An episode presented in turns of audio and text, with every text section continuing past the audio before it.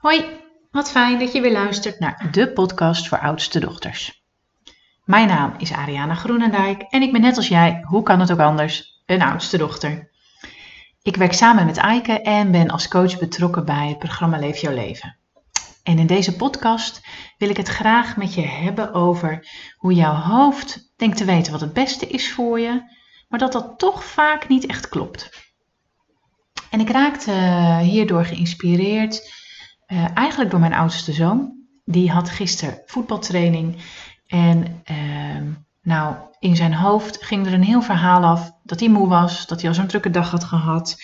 Oh, dat hij zo, zulke zere voeten had en dat hij echt geen zin had in voetbaltraining. En als ik naar hem keek, dacht ik, ja, ik zie het, het straalt er helemaal vanaf. En wat ik vaak met hem doe, is um, dat we het gaan opstellen. En Ike en ik werken allebei veel uh, hè, met systemisch werk. En daarbij maken we gebruik van opstellingen, omdat dat heel mooi um, zichtbaar maakt wat er in jouw onderbewuste leeft. Dus dat doe ik ook vaak met mijn zoon, omdat ik ook weet, hè, het hoofd denkt het wel beter te weten, maar laten we ook gewoon eens voelen, is dit inderdaad ook de juiste keus voor jou om op dit moment te maken? Um, nou, we legden een blaadje neer, twee blaadjes met de ene, uh, ik ga vanavond naar voetbaltraining en de ander, ik blijf vanavond thuis. En hij kon heel snel voelen welk blaadje er sterker voelde en welke er krachtiger voelde en waar die wankeler op stond. Dus hij kon goed voelen in zijn lichaam, hé, hey, welke keus zou voor mij op dit moment um, het beste zijn? En we draaiden het om en dat bleek wel naar voetbaltraining gaan. En je zag uh, de teleurstelling van zijn hoofd afdruipen, want hij dacht: oh nee. Maar wat zo mooi is, is dat hij in zijn lichaam heeft gevoeld: ja, maar wel gaan is het beste voor me. Dus ik kan met mijn hoofd, als ik het met mijn hoofd ga beredeneren, echt honderd redenen bedenken waarom ik niet moet gaan. En toch is hij gegaan, omdat hij heeft gevoeld: oké, weet je, dit is blijkbaar voor mij nu toch het beste om te doen. En ik vind daar misschien van alles van. En mijn hele ego gaat helemaal in het verweer. En toch ga ik. En ik vond dat zo ongelooflijk mooi om te zien. En toen dacht ik, ja, dit herken ik eigenlijk wel. Want hoeveel avonden ken ik niet waarin ik uh, me moe voelde.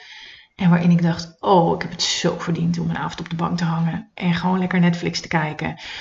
Um, waar ik misschien ook al wel een stemmetje kon voelen of kon horen wat zei, ja, is dit nou wel het beste wat je kan doen?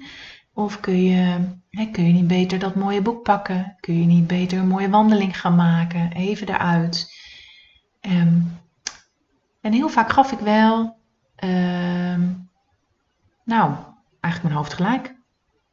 Ja, natuurlijk, ik verdien het helemaal om op de bank te hangen. En toch nou, ik zal niet zeggen elke keer, maar toch regelmatig dat ik daarna naar bed ging en dat ik kon voelen, ja, dit was niet echt bevredigend. En dat ik ook kon voelen, ja, als ik een andere keuze had gemaakt, als ik naar dat stemmetje had geluisterd, wat een beetje zo op de achtergrond aanwezig was, had ik waarschijnlijk een hele andere avond gehad. Een avond die mij waarschijnlijk meer vervuld had. En ik vind, uh, nou, ik heb dat echt uh, moeten leren om te luisteren naar dat stemmetje. En wat mij geholpen daarbij heeft, is om stil te zijn. Om voordat ik uh, nou, mijn tetterende hoofd alle aandacht gaf en daar helemaal in meeging en vervolgens op de bank plofte, heb ik geleerd om stil te zijn, om te gaan zitten, naar binnen te keren, een paar keer diep in en uit adem te halen zodat ik wat beter in mijn lijf kan zakken. En zodat het stemmetje, wat vaak wat zacht op de achtergrond aanwezig is, sterker kon worden. En dat ik daar naar kon luisteren. En door rustig in en uit te ademen kwam het tetterende hoofd tot rust en kreeg dat stemmetje ook meer ruimte. Ik merk dat ik dat nu heel vaak doe. Dat ik kan, nou, dat, ik, dat er nog steeds beide stemmen zijn, maar dat het kleine stemmetje dat ik, dat, dat uh, nou, meer en sterker aanwezig is en mijn tetterende hoofd sneller tot rust komt. En dan is natuurlijk nog de kunst om vervolgens naar dat stemmetje te luisteren en daar ook stappen in te nemen. Dus als dat stemmetje zegt, weet je lieve schat, ja Netflix klinkt heel aantrekkelijk, Maar dat mooie boek ligt op je te wachten en dat geeft je veel meer voldoening om vervolgens ook wel dat mooie boek te pakken.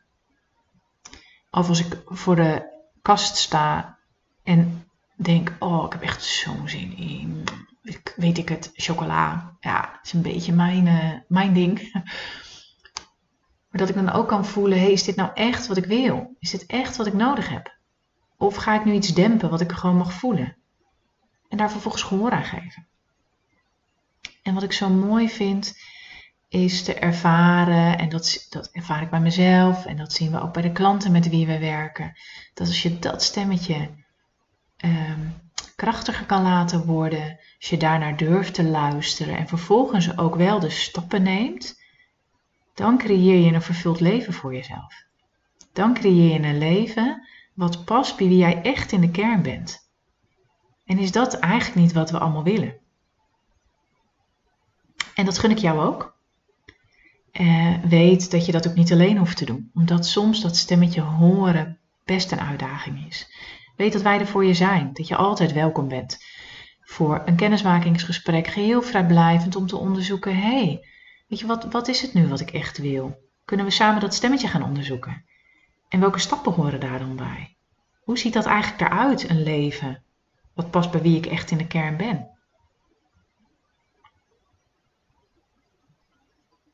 Als je voelt, hmm, dit zou best wel eens wat voor mij kunnen zijn, neem dan een kijkje op onze website www.oudstedochter.com en weet dat je heel welkom bent. Nou, dat was het weer voor vandaag. In deze podcast heb ik je meegenomen in het maken van keuzes van binnenuit in plaats van met, met je tetterende hoofd, wat gewoon heel erg soms op de voorgrond aanwezig is. Mocht je hiervan genoten hebben, abonneer je dan op deze podcast, zodat je een berichtje krijgt wanneer er weer een nieuwe aflevering online staat. En wie weet mogen we je verwelkomen bij een van onze programma's. Fijne dag!